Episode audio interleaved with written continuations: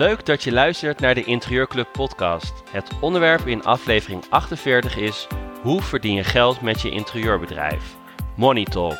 Mijn gast is interieurontwerper en businesscoach voor interieurprofessionals Laura Hendricks.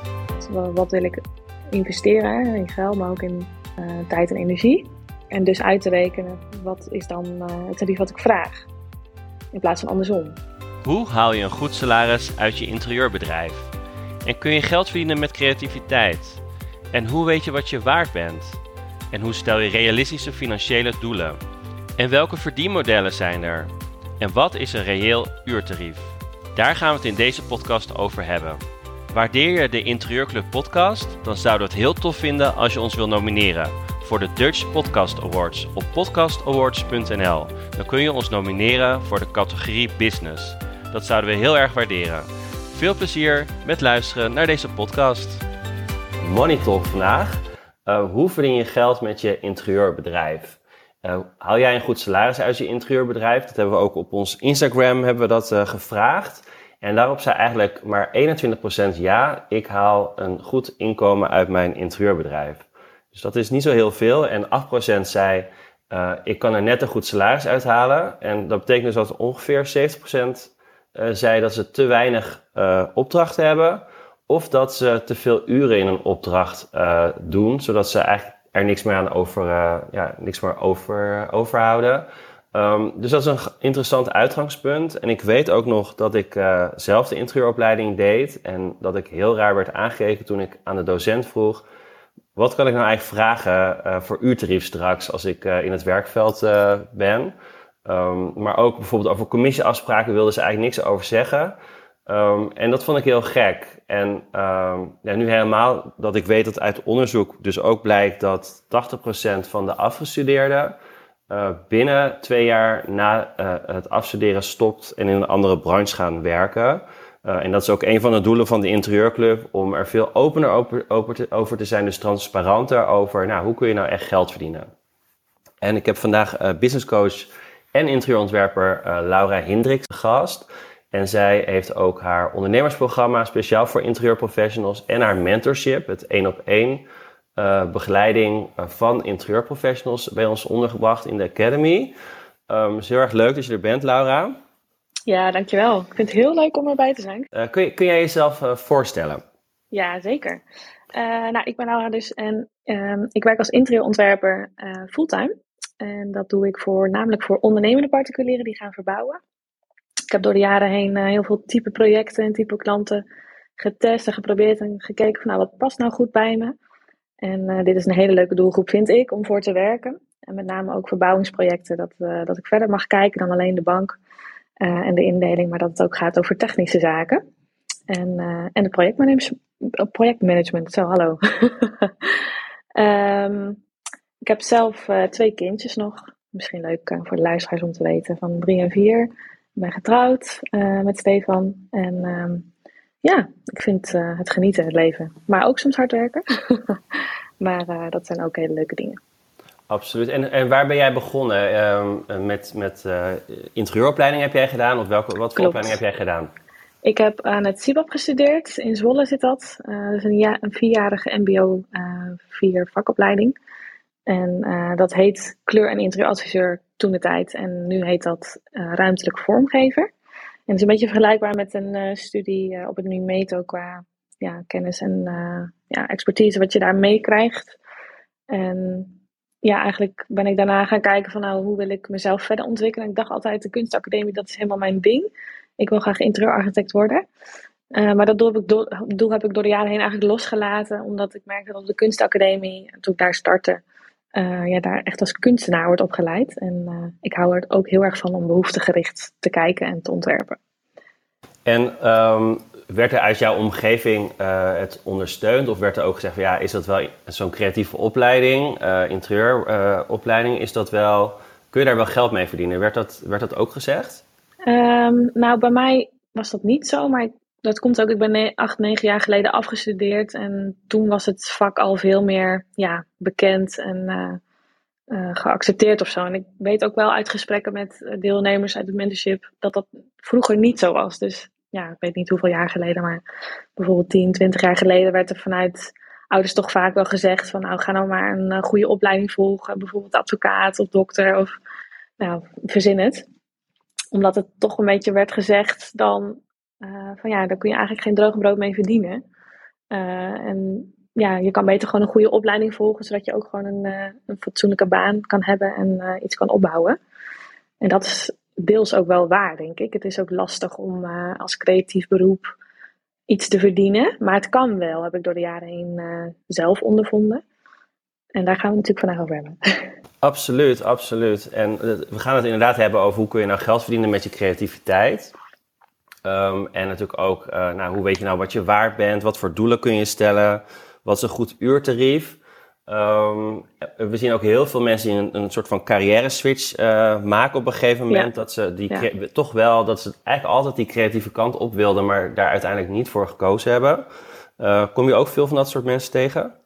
Ja, heel veel. En uh, ja, dat is natuurlijk doodzonde. Dat je niet, niet je eigen droom of je eigen gevoel achterna kan gaan. Dus ja, het is natuurlijk dan ook een bevrijding voor dat soort mensen dat dat dan nu wel kan. Ja. En dat zichzelf gunnen. Ja, ik ben zelf daar ook een voorbeeld van. Maar ik ben wel blij dat ik eerst een andere weg ingeslagen ben. Zodat ik ook veel meer de, uh, de businesskant begrijp. En ook, dat ja. ik ook weet hoe ik, hoe ik een bedrijf kan opzetten. Hoe ik uh, een bedrijf moet managen. Uh, ja. zodat je veel meer gezien hebt. Um, dus daar ben ik wel blij mee dat ik dat wel heb ge gehad. Wat voor opleiding heb je dan gedaan? Ik heb zelf de Hoge Hotelschool gedaan. Oh ja. En uh, een aantal hotels in Amsterdam geopend en verbouwd. Uh, maar wel als general manager. Ja. Um, dus ik mocht echt meelopen met de interieurontwerper en architect. En daar heb ik echt heel veel van geleerd. Kan ik me voorstellen. Uh, leuk. En, en, toen na het derde hotel dacht ik, ja, dit wil ik zelf eigenlijk doen. Het lijkt me zo leuk. Ja. Um, en ja, dus ja, de, daarom weet je ook wel van, ja, ik, ik, wil een, een, ik moet een salaris gaan verdienen met, met wat ik doe. Um, jij zegt net van, je kan een goed salaris verdienen met een interieurbedrijf. Toch lukt ja. het heel veel mensen niet. Klopt. Kun je daar iets over vertellen? Waarom lukt dat dan niet? Nou, ik denk uh, als je een eigen bedrijf begint, heb je ook een bepaalde ondernemersmindset nodig. En ook een goede money mindset. En ja, als je zelf niet op waarde schat of uh, je vindt het lastig om geld te verdienen, dan is dat ook een lastig doel. Hè? Om uiteindelijk een fatsoenlijk salaris uit dat bedrijf te halen. Dus het, het is een beetje ja, mindset en, uh, en doel, denk ik, wat, wat gesteld moet, moet worden om uh, ook ergens te komen.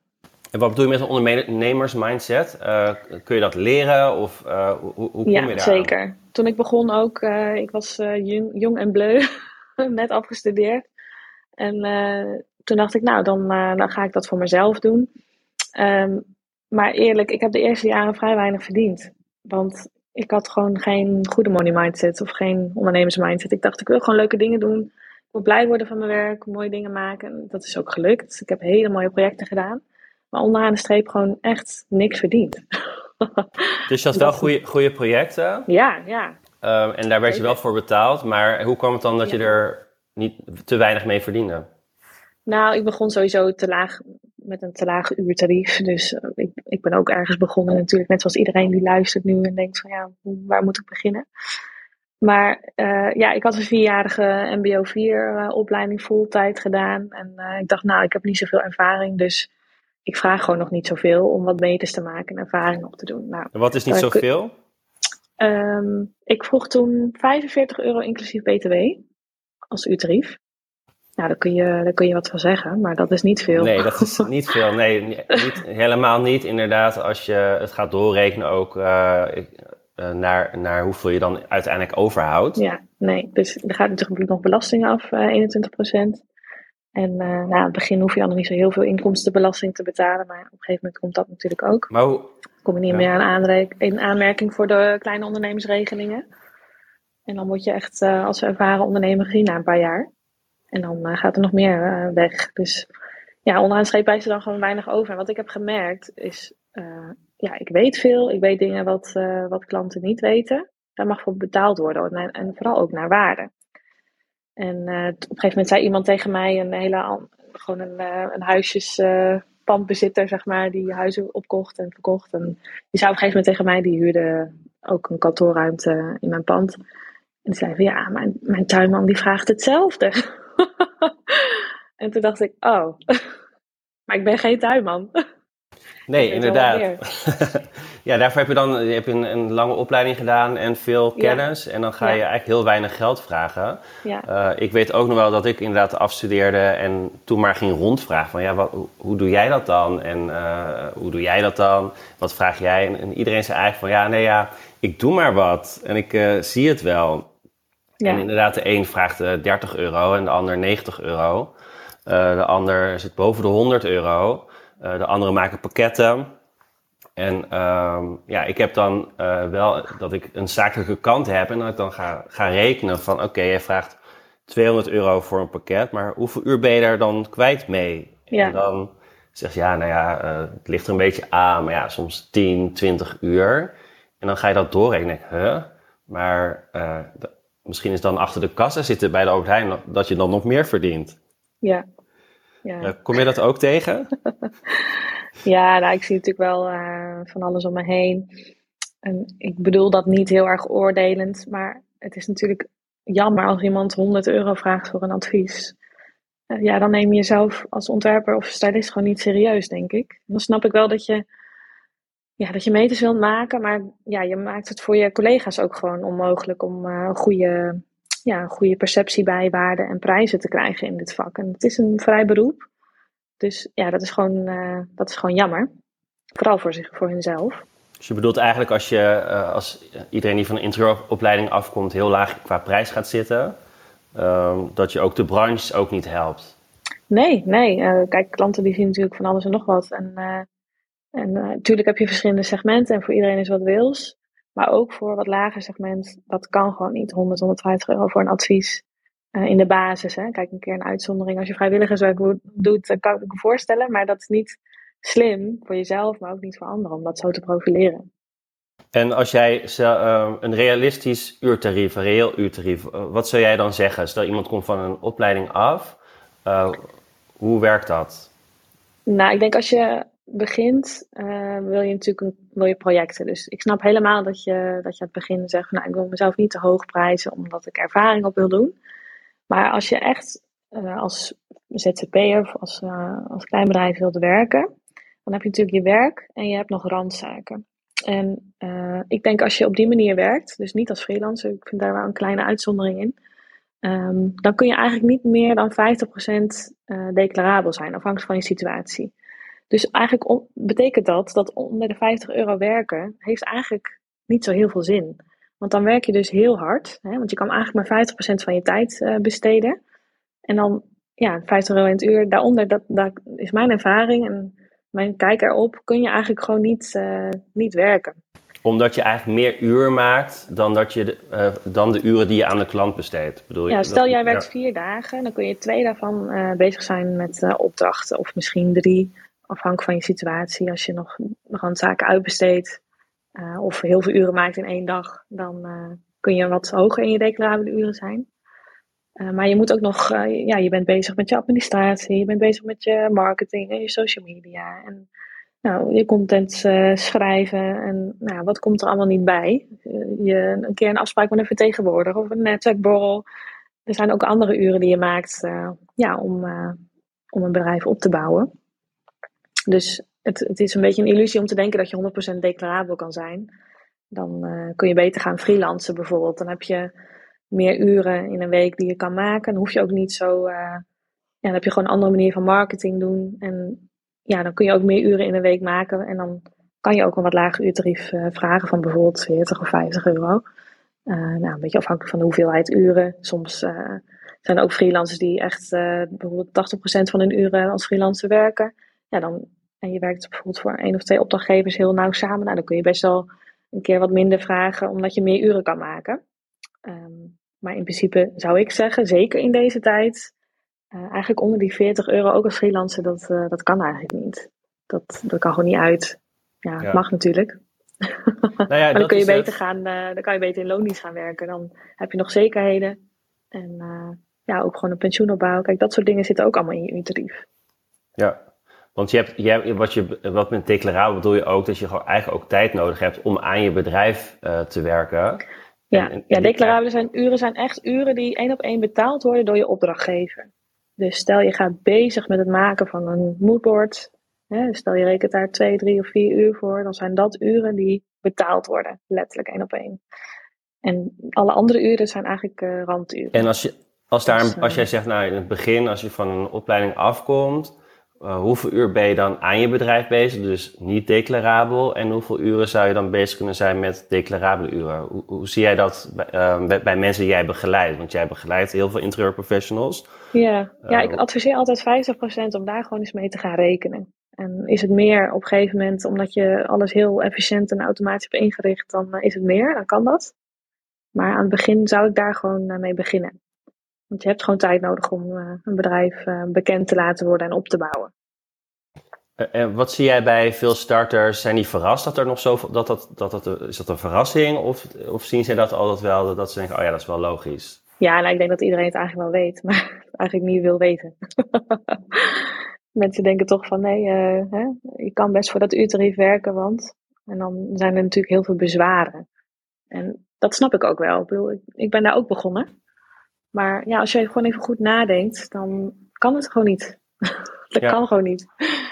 Ja, en um, dat is een uur, dat is het uurtarief. Dus jij zegt, nou ja, sowieso uh, boven de 50 euro, dat is jouw advies als je starter bent. Uh, ja. wat, wat, is een beetje in de markt uh, het uurtarief? iemand die, die wat, wat meer um, ervaring heeft, wat kan zo iemand vragen? Nou, het verschilt heel erg. ik denk dat het heel erg afhangt ook van de doelgroep waar je op richt richt jij op een middensegment klant en uh, maak je een compleet interieuradvies, dan zul je vaak merken dat een beetje boven de 2000 euro voor een pakketprijs, dat dat een beetje zo'n ja, mentale grens is voor mensen, dat ze eigenlijk niet meer willen of kunnen uitgeven aan een advies. Uh, maar richt je wat op meer op een wat hoger segment, dan kun je best uh, 80, 90, 100 of meer vragen per uur. En dan zijn de pakketprijzen rond, dus rond de 3, 4, 5, 6000 euro beetje afhankelijk van uh, hoe groot het project is. Um, maar dat zijn wel, wel reguliere prijzen. Mag ik vragen wat, jij, uh, wat jouw uurtarief is? Uh, mijn uurtarief is 105 euro, inclusief BT, want ik werk voor particulieren, dus dan, ja.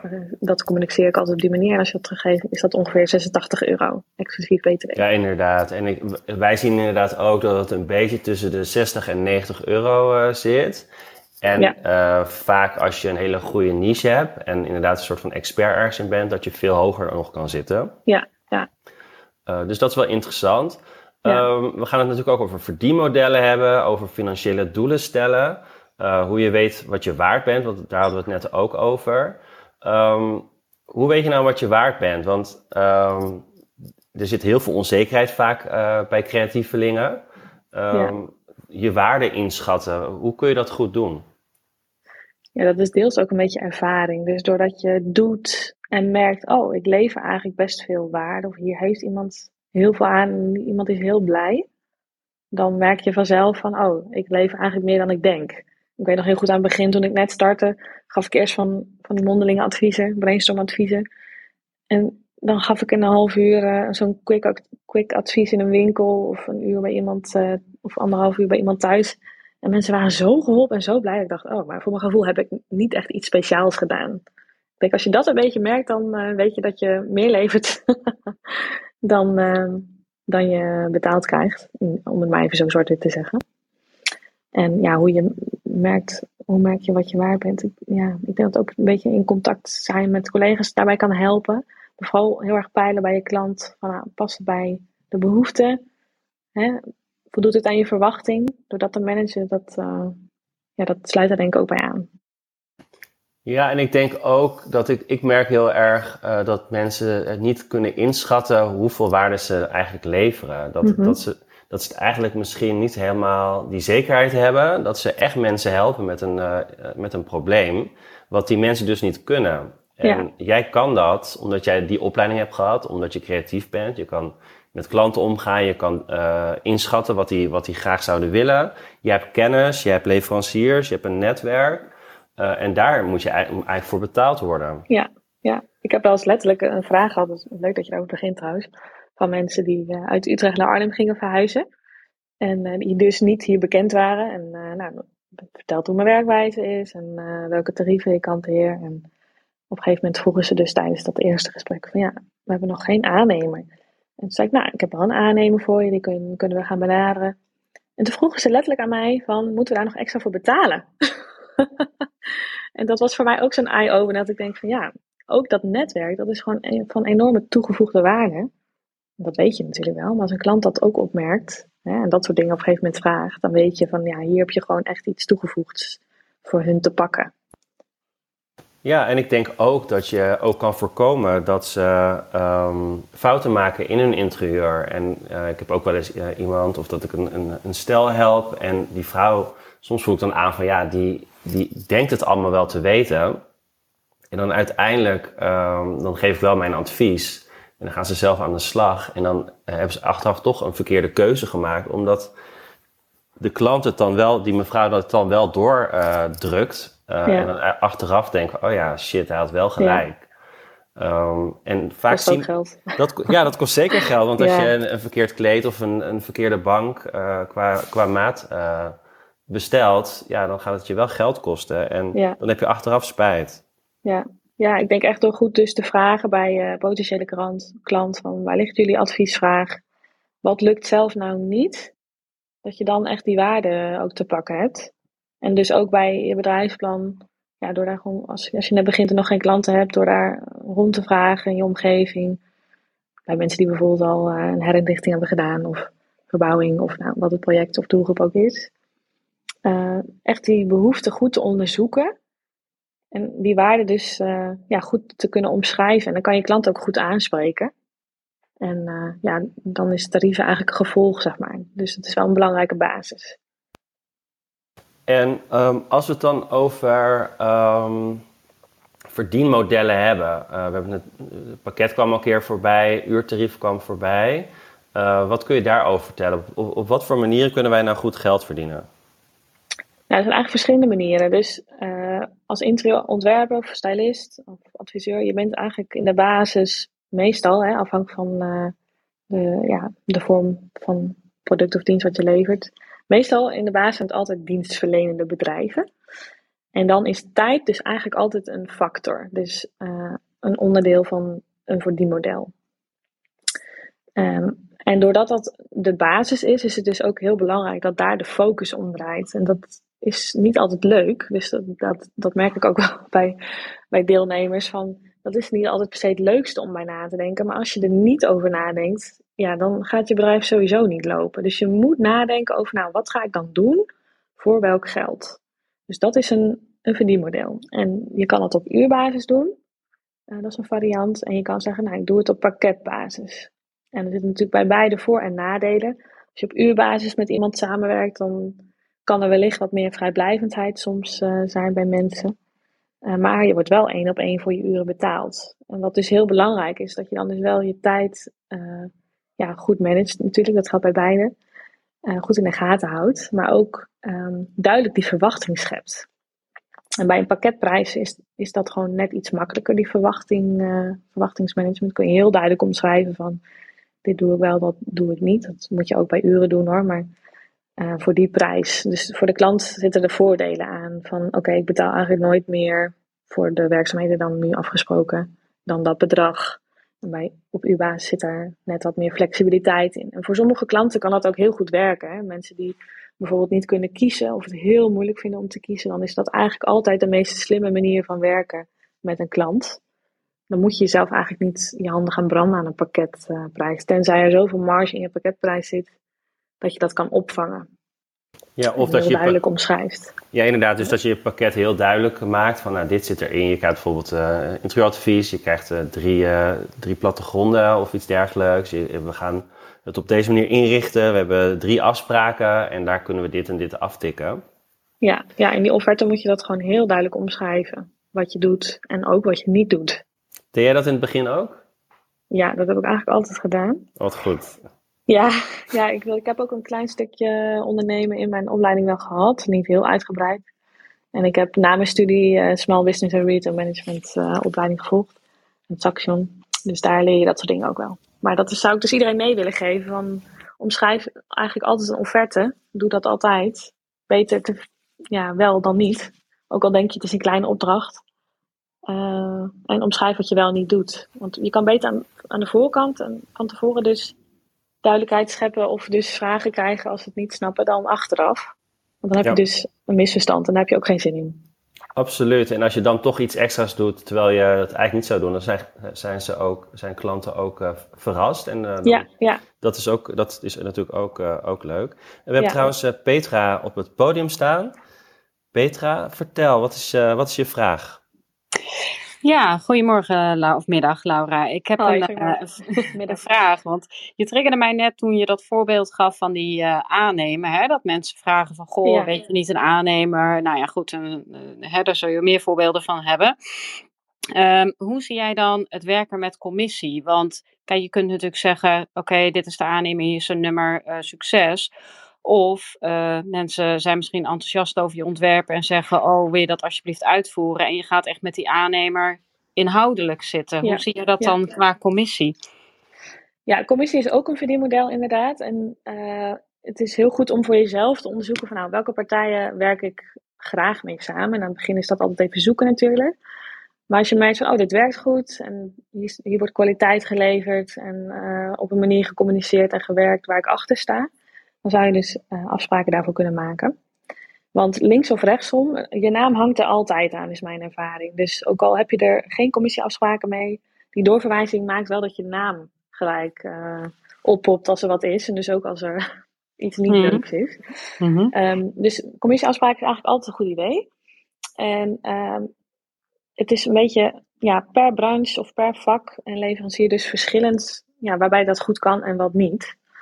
En een aannemer is nou typisch een voorbeeld waarbij dat in deze tijd lastiger is. Want er zijn natuurlijk heel veel, uh, ja, er is heel veel fluctuatie in die, uh, markt, of die, sorry, die uh, materiaalprijzen. Mm -hmm. En voor een aannemer is het dus ook niet van tevoren helemaal in te schatten wat hun winst is, zeg maar, daarop. en waar, wat dus dan vervolgens het commissiepercentage zou kunnen zijn. Dus wat ik bijvoorbeeld wel eens heb gedaan bij een aannemer is dat ik een aandragingsfee vraag. Maar in deze tijd zijn die aannames zo druk dat het eigenlijk voor hun niet interessant is hè, als je voor een eerste keer uh, met hun samenwerkt.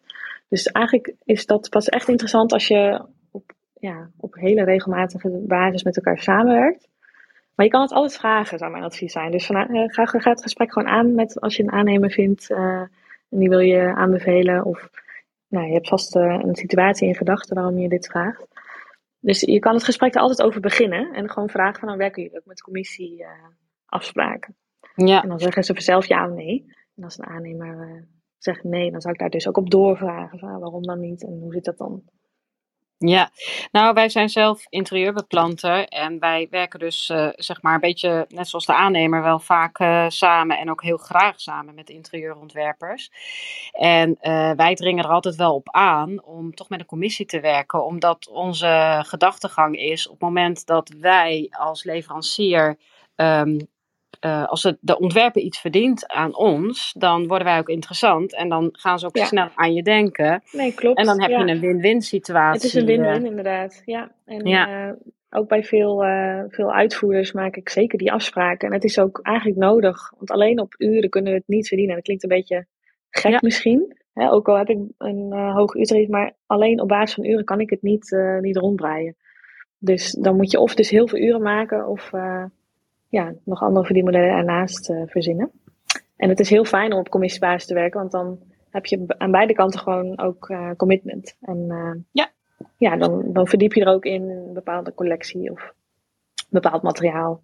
en ik denk dat je dat eigenlijk ook voornamelijk moet doen met partijen waar je echt enthousiast over bent. In de basis. En dat kun je dan uitbreiden.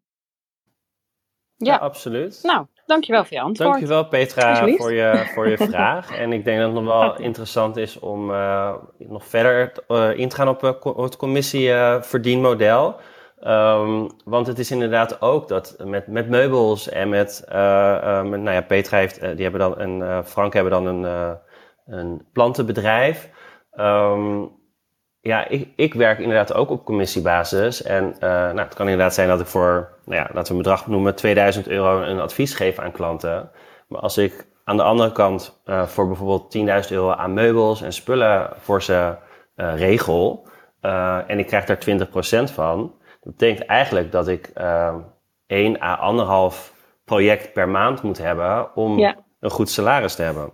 Precies. Kun je daar iets over vertellen nog? Ja, nou je hebt dus uh, ook in, ja, in de uitvoering nog te, bijvoorbeeld twee verschillende typen verdienmodellen. Dus aan de ene kant commissies, aan de andere kant inkopen en leveren. Dus je zou natuurlijk ook kunnen zeggen als ontwerper of stylist van ik lever ook de accessoires of de meubels of nou, wat het ook uh, mag zijn. Um, en let dus wel op dat als je leverancier bent, dat je dan dus wel andere zakelijke voorwaarden moet hebben. En ook ander type werk doet. En dat kan je liggen of dat kan je niet liggen. Je zit dan wel in de kleurnummers en de offertes en de Excelletjes, zeg maar. Maar goed, daar is wel relatief makkelijk nog winst te behalen. En ik denk ook als je dat daarvoor zou kiezen, dat het ook goed is om voor jezelf na te denken van nou, in hoeverre wil ik dat uitdragen? Want sommige mensen kiezen heel bewust voor een bepaalde onafhankelijkheid. En dat heb je toch hè, links of rechtsom minder als je zelf ook uh, levert. Tenminste, dat is mijn ervaring uh, daarin.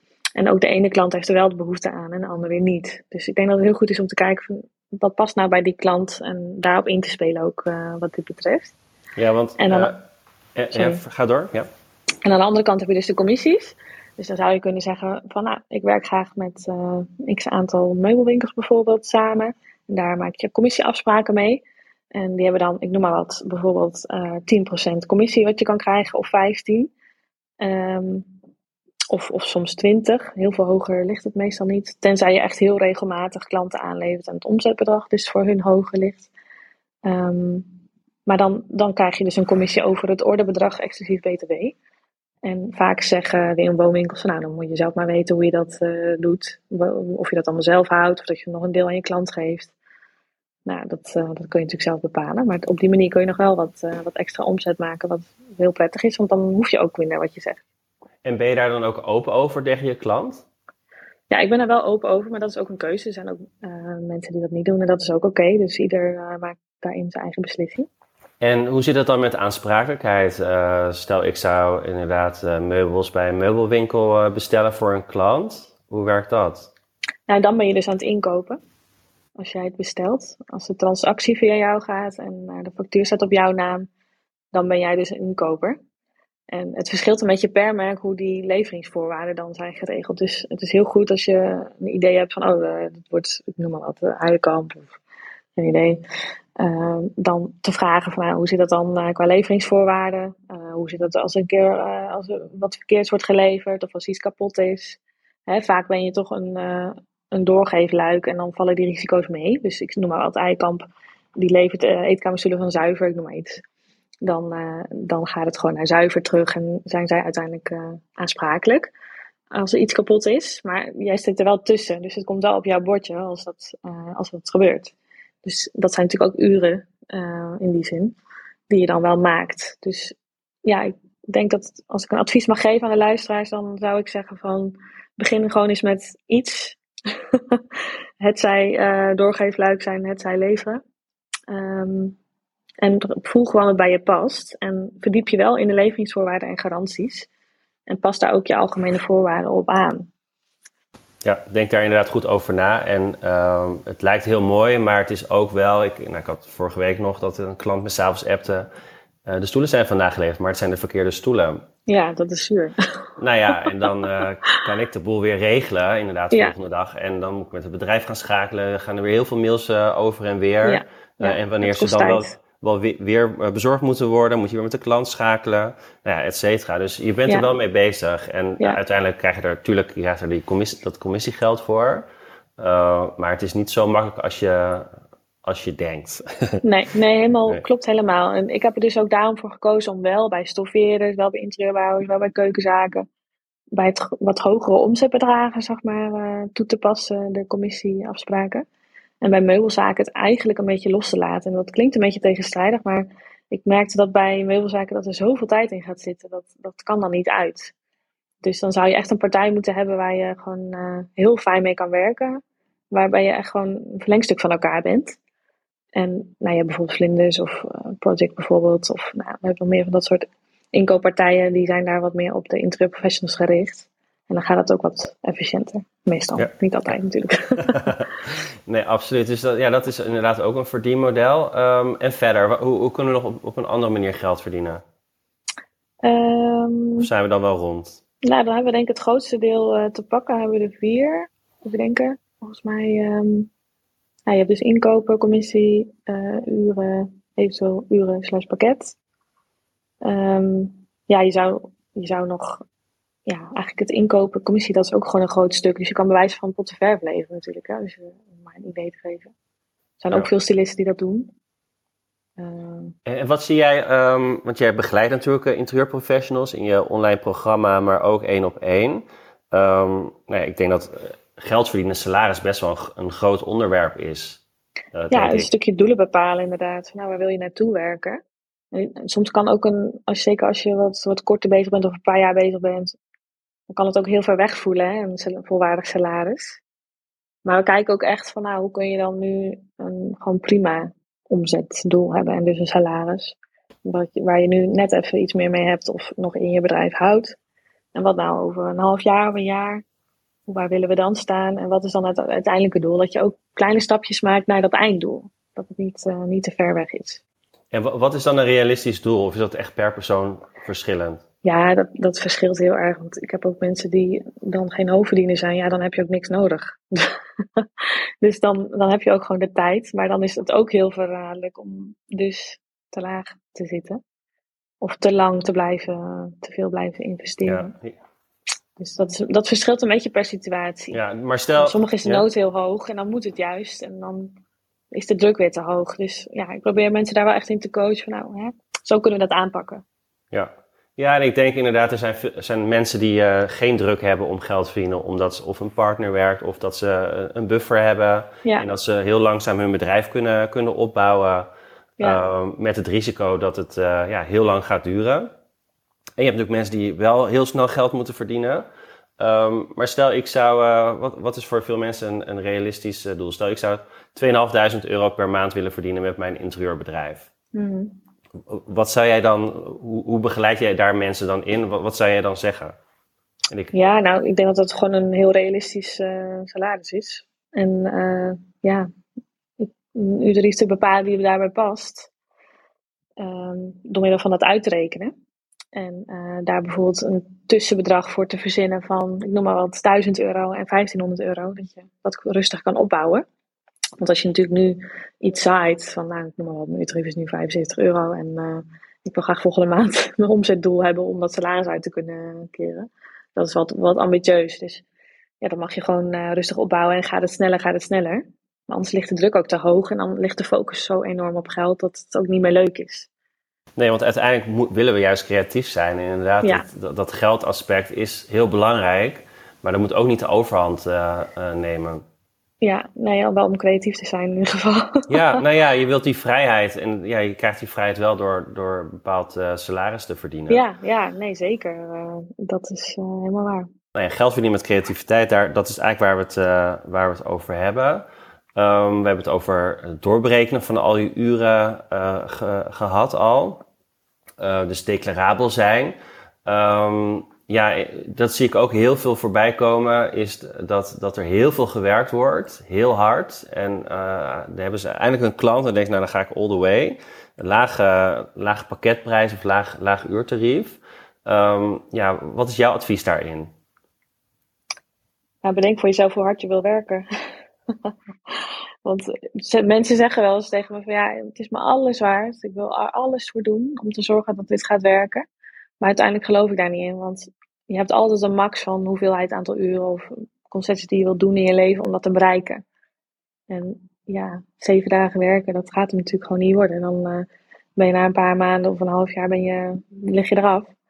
Dus ik denk dat het gewoon heel goed is om je eigen grenzen daar ook in uh, te bedenken. Nou, wat, wat wil ik investeren in geld, maar ook in uh, tijd en energie. En ja, eigenlijk te bedenken van, nou, wat, en dus uit te rekenen, wat is dan uh, het tarief wat ik vraag? In plaats van andersom. Ik kom van interieuropleiding af. Hoeveel tijd heb je ongeveer nodig om dat bedrijf, dat zal per persoon zal het, uh, anders zijn, maar wat is een beetje gemiddeld aantal maanden of uh, tijd dat je nodig hebt om je bedrijf echt goed op te zetten?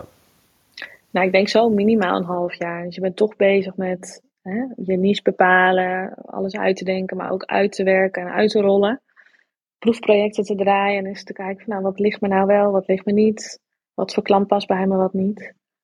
Dus ik denk dat je zo een half jaar verder bent met het opzetten van en het uitproberen. En uh, dat je echt nog wel een half jaar extra mag nemen om uh, ja, echt stevig in je schoenen te staan. En je werkwijze goed gefine-tuned te hebben, je bedrijfsprocessen en alles. Um, maar het is niet dat je stilstaat natuurlijk in dat half jaar, jaar. Je bent echt bezig. Dus het is echt bouwen aan iets wat denk ik heel mooi kan zijn en misschien al wel is. Ja, en toch zien we heel veel mensen uitstromen na ongeveer uh, twee jaar. Uh, hoe tof het vak ook is, maar het lukt niet om die uh, business op te bouwen. Um, stel, er luisteren nu mensen die nou, misschien wel een jaar aan het struggelen zijn. Wat zou je advies zijn? Je hebt een jaar geprobeerd, het lukt nog niet, ik kan nog geen salaris eruit halen. Waar moet ik dan beginnen? dus zijn, soms zijn ze heel druk met social media, zijn ze heel druk met hun website, alles is klaar, ja. maar toch ja, lukt het niet. Ja, nou, het belangrijkste is natuurlijk om een goede energie te houden, is gewoon leuke opdrachtgevers. En als je dat voor je, dat zou eigenlijk mijn advies zijn van, ga even terug naar de basis, kijken wie is dan die klant waar ik nu graag voor werk, wat heeft overeenkomsten, wat is dat nou voor persoon en daar eigenlijk alles op af te stemmen. En dus ook je prijs en ja, concrete doelen te stellen. Dus ja, je kan soms heel erg belanden in uh, inderdaad randzaken wat je zegt, maar ook in opdrachten kan je verzanden dat je maar door blijft gaan. Maar het is gewoon heel goed om echt minimaal één keer in het half jaar te evalueren van klopt mijn uurtarief nog wel? Want ja, zeker ook nu met die inflatie, ja, iedereen moet eigenlijk zijn uurtarief nu eigenlijk omhoog doen. Maar ik weet zeker dat nog niemand dat heeft gedaan. Uh, maar dat zou wel goed zijn. Want ja, je betaalt voor alles meer. Lever jij dat dan vervolgens in? Of moet die klant gewoon meer betalen? Anders ben jij de dupe ervan. Dus dat, ja, dat, is natuurlijk, zijn een beetje lastige dingen maar uh, wel belangrijk. Ja, en ik heb nog een vraag hier van Wendy. Um, die vraagt: wat is een beetje gemiddeld commissiepercentage? Bijvoorbeeld bij winkels, verf, behang enzovoort. En hoe communiceer ik dat met de klant? Kun je daar iets over zeggen? Uh, nou, ik denk dat de keuze één is van ga ik het leveren of ga ik het doorgeven, om maar even zo te zeggen. Um, dus als je inkoopt, ja, dan liggen die commissiepercentages veel hoger. Dus Volgens mij bij verf en dergelijke ligt dat wel rond de 25% of soms wat hoger. Dat hangt een beetje van het merk af. En geef je het door, ja, dan uh, zou je voor jezelf, uh, volgens mij voor verf, ook nog wel zoiets kunnen doen of iets minder. Maar bijvoorbeeld bij, um, even kijken, bij winkels, daar is gebruikelijk een beetje rond de 10%, 15% voor meubels uh, qua commissie. Maar dan ben je dus niet leverancier, dan ligt dat hoger. En uh, voor vloerkleden bijvoorbeeld, dat, dat ligt nog veel hoger. zeker als je dat inkoopt, dan uh, ja, op meubels zit eigenlijk altijd een factor van 2. Dus inkoopprijs versus consumentenprijs. En soms hoger, soms 2,5 keer zoveel. Ja, inderdaad. En ja, ik zie dat inderdaad ook 10, 20, 30 procent. Dat is een beetje, meestal zit het rond de 20 bij mij. Um, en nou ja, daar hebben we het net ook al over gehad. Hoe communiceer ik dat met de klant? Je zei er net al wat kort over. Um, ik merk ook wel dat ik dat soms lastig vind. Dat ik dan zeg, nou ja, de klant, hoe ga ik dat met een klant? ga ik dat vertellen? Ga ik dat niet vertellen? Um, ik vind het soms heel, heel, heel lastig en ik doe het niet. Of ik geef de klant een korting. wat is jouw advies daarin? Of is dat gewoon echt per persoon anders? Ja, ik denk dat je heel erg mag aanvoelen wat past bij mij. En ja, ik vind het, bij mij past het bijvoorbeeld niet om niet transparant daarin te zijn. Maar dat, dat doen andere mensen anders en dat is ook helemaal oké. Ik vind het zelf heel onprettig als ik niet altijd gewoon een eerlijk antwoord kan geven. Maar dat ben ik gewoon. dus dat is niet per se altijd heel handig uh, zakelijk gezien. Maar hoe ik het communiceer is eigenlijk van nou, hè, ik kan eh, via die partij nog een korting voor jullie regelen. En dan geef ik hun wat korting en dan hou ik het zelf. Maar als ik bijvoorbeeld ook uh, ja, als ik, ik noem maar wat, als ik wat uren heb gemaakt die niet betaald zijn. want je wordt toch links of rechtsom vaak nog wel in de uitvoering geappt of wat dan ook, gebeld met een vraag. Ja, niet elke minuut schrijf je dan in de praktijk. Dat zou wel goed zijn, maar dat, dat kan in, in advocatuurland kan dat goed. Maar bij projectbegeleiding is dat toch niet zo zwart-wit. wat ik doe dan is, is bijvoorbeeld in de projectbegeleiding dat soort dingen gewoon afronden en dan uh, naar boven. En dan heb ik nog wat speling, zeg maar, voor WhatsApp-vragen. En dan wordt het ook betaald. Maar stel, jij wordt helemaal niet betaald voor je projectbegeleiding en je wordt helemaal bestookt met vragen. dan kan het natuurlijk ook een heel slim, slimme manier van werken zijn om te zeggen, nou, ik ga wel inkopen of ik ga wel doorgeefluik spelen met commissies. Ehm, dan kan ik dat soort uren en kosten kan ik dan opvangen. En dan, ja, het liefst natuurlijk beide, maar dat hangt een beetje per project af van de, van de klant. Ja, inderdaad. Dus dat je het eigenlijk, dat als het extraatje ziet eigenlijk voor de uren die, je, die je niet betaald krijgt. Oké. Ehm, nou, jij, geeft in jouw online programma en in jouw mentorship uh, daar natuurlijk heel veel informatie nog verder over. Waar komt eigenlijk jouw ja, behoefte uit voort om mensen te begeleiden hierin? Je... Nou, ik was voor mezelf begonnen en eigenlijk ja, vanaf, nou niet dag één, maar wel dag drie, zeg maar, werd ik al gebeld door andere interieurontwerpers of stylisten uit, Zeeland, maar ook uit Groningen, door het hele land. Van, nou Laura, ik zag uh, dat jij dit doet. Wat vraag je nou en hoe kom je nou aan klanten? En allemaal hele bijzondere vragen die toch uh, ja, spelen bij heel veel interieurprofessionals. En wat ik ook snap, ook ik ben ergens begonnen. Uh, dus op een gegeven moment ben ik kopjes koffie gaan drinken. En ja, wat, dat heel leuk om kennis te delen, vond ik. En vanaf dag één heb ik ook al stagiair. En ik heb natuurlijk mijn team om me heen. Ik vind het heel leuk om mensen te coachen en te begeleiden naar ja, meer kennis. En toen dacht ik op een gegeven moment, ja, ik ben nu al heel veel kopjes koffie aan het drinken. Dus, dus heel veel behoefte. En dat is ook logisch, want als je, als je nu ook kijkt, is ja, eigenlijk weinig opleidingen of cursussen waar ook het stuk ondernemen specifiek voor de branche wordt, in wordt meegenomen. Wel misschien de basis, maar niet op deze manier. Um, dus ik ben eigenlijk begonnen met trainingen en masterclasses. En op een gegeven moment uh, dacht ik, nou, ik vind het eigenlijk toch wat leukst om één op één uh, te begeleiden. Dus daar is mijn mentorship programma uh, een jaar of vijf geleden uit ontstaan.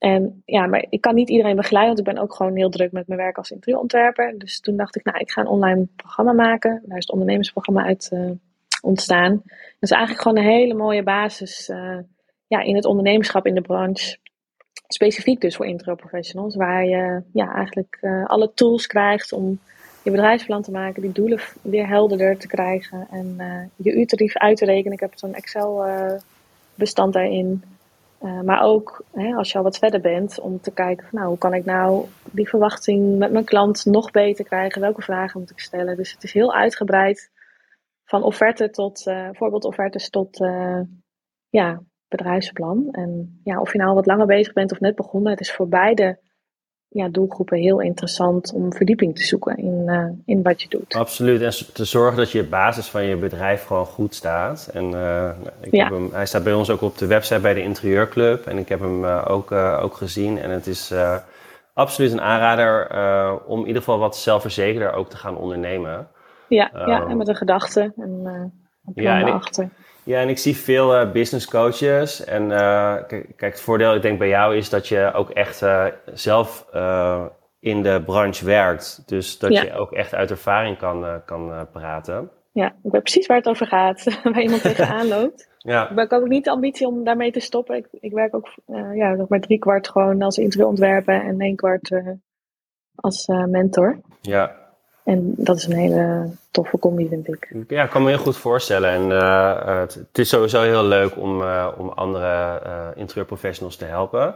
En je hebt ook nog een ander traject, dat is echt één op één. Het is ook een wat duurder, duurder ehm, traject. Ja, ook wat intensiever, ja. precies. Ja, echt één op één. En dan ja, gaan we echt die verdieping zoeken. Zeker als je al even bezig bent of echt een stok, stok achter de deur nodig hebt. Dan is dit iets wat bij je past, passen kan. En uh, ja, naast de mentorgesprekken hebben we dan ook trainingsdagen. En uh, ja, heb je gewoon een lijntje met mij dat als je het even niet weet, of bijvoorbeeld zo'n offerte krijgt van een interieurbouw, je hebt geen idee of wat je hier nou uh, op moet reageren, of hoe je dat aan moet pakken qua leveren of doorgeven, dan, dan help ik je gewoon. Wauw, wat, wat goed. Ja, en ik denk dat dat ook inderdaad heel interessant is. We zijn uh, aan het einde gekomen van onze, onze talk. Uh, en ik uh, merk altijd als we deze hebben opgenomen en dat die online staat, dat we heel veel vragen nog krijgen. um, en um, dus ik ben, heb je een vraag nog? We, we willen het zeker vaker doen, het over geld hebben, omdat we vinden dat dat echt te weinig gebeurt. stuur gewoon even een DM op ons Instagram-account van de Interieurclub. Of stuur even een mailtje via de website. En dan kunnen we wellicht nog een keer een talk doen. En dan kunnen we jouw vragen ook stellen. Ehm, en nou ja, kijk ook voor het traject, voor het mentorship en het online programma even op onze website. Daar kun je het vinden onder de Academy. En Laura heeft ook een aantal masterclasses op de website ondergebracht. Ehm, ja, ook heel interessant om, om naar te kijken. En er staan ook hele leuke blogs van Laura op, uh, op onze website. Eentje gaat over, uh, persoonlijk over, over Laura, welke weg zij bewandeld heeft. Wat heel interessant kan zijn en ik denk ook wel heel herkenbaar. Um, Laura, heel erg bedankt voor je tijd. Ja, graag gedaan. Heel leuk om hier te zijn. Absoluut. En ik wens je een hele fijne, fijne dag. En bedankt allemaal voor het luisteren. Wil jij meer informatie over het online ondernemersprogramma voor interieurprofessionals van Laura en het mentorship traject waar Laura jou één op één begeleidt? Kijk dan op onze website. En Laura heeft ook een paar mooie masterclasses op onze website staan. Bijvoorbeeld een carrière switch naar de interieurbranche en wat is een rendabel uurtarief. Kijk op www.deinterieurclub.com.